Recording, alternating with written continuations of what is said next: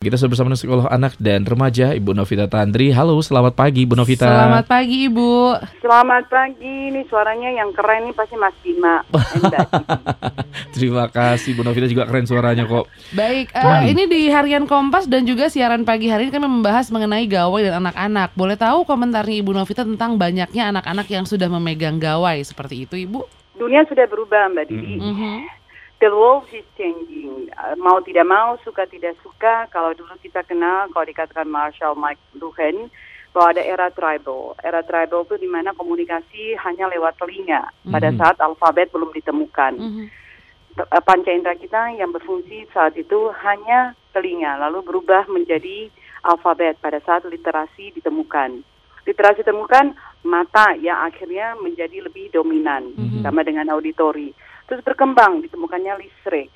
Listrik ada radio, ada televisi, ada media cetak, Mhm. seperti Sonora kita nih sekarang. Lalu Mhm. terus berkembang lagi. Adanya sosial media, ada Facebook, ada Instagram, ada Twitter. Berkembang dengan gadget. Semua anak akhirnya punya handphone. Mhm. Mau dibatasi orang tua sebagai contoh, orang tua sebagai panutan, Mhm. orang tua sendiri memperlengkapi diri seakan-akan menjadi satu kebutuhan yang akhirnya bukan sekunder lagi menjadi Mhm. kebutuhan primer. Kalau Mhm. dulu kita kelabakan kalau listrik nggak ada kan? Ya, sama dengan era 20 tahun yang lalu coba. Kita Mhm. nggak punya listrik, kita panik. Wah, Oke. kayaknya seakan kita mati nggak punya listrik, Mhm. nggak bisa ngapa-ngapain. Sekarang anak-anak mati seakan-akan mati pada saat tidak ada wifi. Ke mana pun yang ditanya password wifi-nya apa. Iya iya. Betul. Benar nggak sih? Betul, Iya, Termasuk iya. kita juga, Eh, termasuk kita juga wifi yang kita cari menggantikan posisi listrik. mhm. Dan memang dunia berubah. Gadget mau tidak mau akhirnya menjadi bagian daripada kehidupan anak-anak ini. Mhm. Mhm. Kalau dulu saya menyarankan jangan dikasih gadget Mhm. sejak dini. Ya. Uh, jangan dikasih gadget uh, sampai usia tertentu. Mhm. Tapi memang harus di betul-betul kita sebagai orang tua harus pahami bahwa tahapan tumbuh kembang anak tidak pernah berubah. Jadi tidak ada anak-anak yang lahir dari tubuh ibunya terus tiba-tiba merangkak, Iya. Mhm. ya kan? Ya, kalau kalau dulu kan ini ini eranya berubah semuanya. Tapi nggak tahapan tumbuh kembang tetap sama. Dia lahir, dia harus prosesnya tumbuh kembangnya seperti apa. Di usia eh, enam bulan dia mulai babbling, di usia satu tahun dia mengucapkan 10 sampai 20 kata Mhm. dan seterusnya. Tidak ada yang terus bisa berbahasa Inggris di usia enam bulan begitu lahir kan. Betul. Semuanya butuh waktu. Nah, bagaimana caranya orang tua? Nah, sebenarnya peran orang tua yang sangat penting kalau kita bicara tentang gadget, kita bicara tentang gawai. Bagaimana orang tuanya mem- mem- memerankan role-nya di sini supaya satu, being consistent bahwa anak-anak diberikan jadwal setiap harinya kapan main gawai, kapan harus uh, membereskan kamarnya, kapan harus sikat gigi, kapan harus makan, kapan harus istirahat, Mhm. kapan mengejarkan tugasnya. Kalau ini dilakukan sejak dini, anak-anak akan dengan sendirinya tahu yang mana tugas dan yang mana kewajibannya, dia, yang mana haknya, yang mana kewajibannya. Mhm. Tapi orang tua lalai Mhm. dengan bangun tidur bukan berdoa dulu, Mhm. yang dicek HP-nya dulu. Iya. Ada sudah berapa message yang masuk, sudah berapa sosial sosial media yang sudah diupdate Mhm. uh, selama satu malam. Jadi memberikan contoh juga bahwa begitu sampai di rumah orang tua juga punya jadwal kapan berkomunikasi dengan anak, kapan harus HP itu juga gawai itu harus disingkirkan. Mhm. Mhm. Karena kita nggak bisa memberikan apa yang kita tidak punyai. Kalau Hmm. kita tidak memberikan contoh, kita tidak bisa memberi me- mengajak anak-anak untuk melakukan sesuatu yang kita tidak lakukan. Mhm. Mhm. Oke. Baik. Panjang banget ya. Iya. Umur berapa sih Bu idealnya eh, memberikan gadget sama anak Bu? Eh, sebenarnya kalau bicara idealis, eh, pada saat anak sudah tahu yang mana dan yang salah dari benar dan salah, itu Mhm. sekitar usia 7 sampai 9 tahun. Oke. Dia udah tahu nih yang benar dan yang salah kurang lebih pemahamannya mulai terbentuk di usia ini. Mhm. Tapi kita melihat orang tua memberikan gadget bahkan pada saat makan supaya anaknya anteng. Mhm. Iya. Di usia 2 tahun anak-anak makan dengan mem- dengan gadget karena anak di usia ini sebenarnya justru saat-saat yang paling krusial, rasa ingin tahunya luar biasa. Mereka harusnya bereksplorasi, mereka harusnya berlari-lari, menyentuh semua benda di sekitar mereka. Mhm. Tapi kita tidak suka melihatnya karena capek. karena harus bongkok-bongkok Iya. ngikutin dia lari-larian. Mhm, Ya kan? Kita lebih suka kalau dia duduk diem dengan layar kaca tersebut Mhm. Hmm. Eh, karena lebih mudah disuapi. Iya, iya. Iya. Mhm. Oke. Eh, nah, interaksi ini yang dibutuhkan bahwa orang tua menjadi orang tua memang harus dinikmati bahwa bagian daripada pa- proses daripada anak itu nanti tumbuh dan berkembang.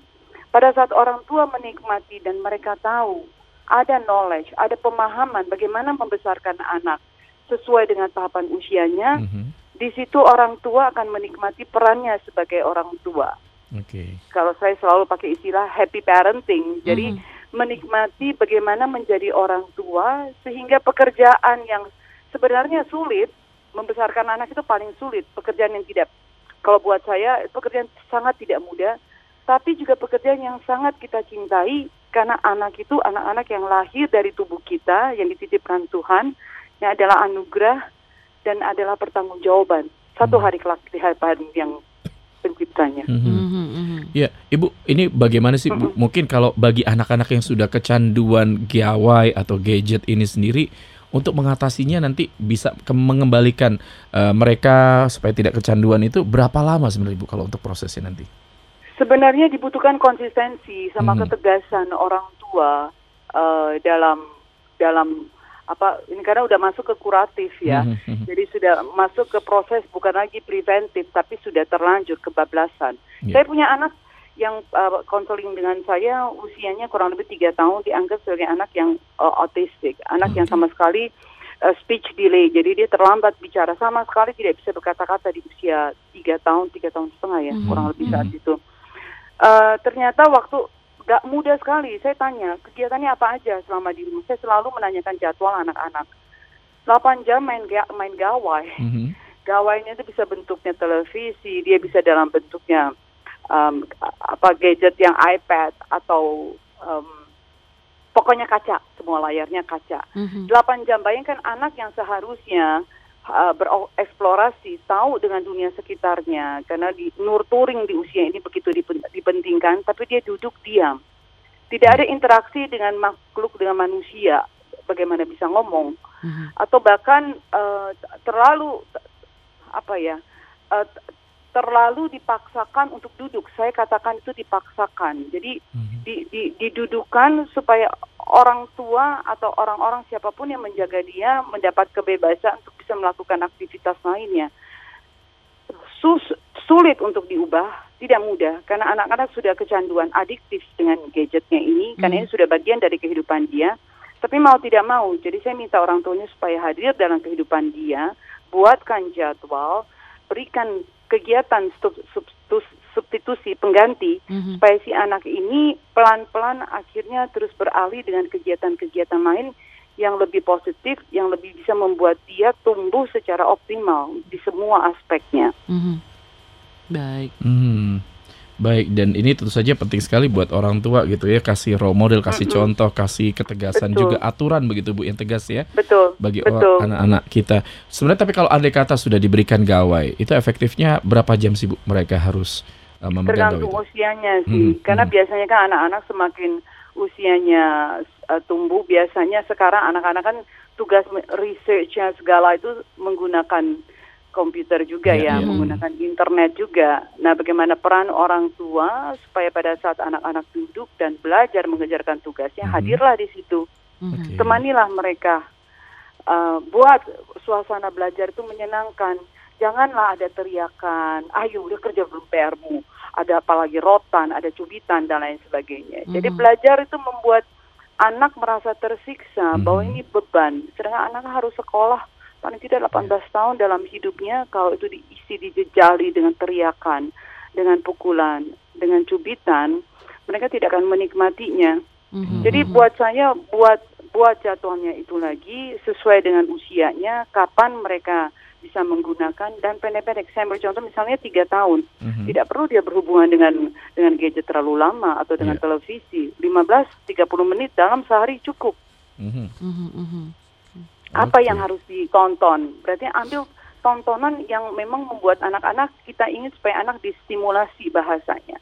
ambil mungkin uh, jenis tontonan yang yang bisa mengasah keterampilan bahasanya itu yang ditonton berapa lama 15 30 menit Hmm. ganti dengan yang kegiatan lain. Baik. Lebih baik berguling dengan mereka, merangkak dengan mereka, main bola dengan mereka, naik sepeda dengan mereka, jogging dengan mereka. It's more fun. Mhm, mhm. Mhm, mhm. Iya. Oke. Baik paling tidak ini buat uh, kita para orang tua lebih selektif lagi begitu ya untuk bisa lebih baik lagi ke depannya. Baik Ibu Novita, terima kasih loh waktunya bersama Sonora pagi ini Bu. Sama-sama selamat Hari Anak Nasional kemarin. Selamat kita Iya, Anak betul. Nasional, Iya. selamat Ya, pagi. selamat pagi, selamat kembali Selamat beraktivitas. pagi.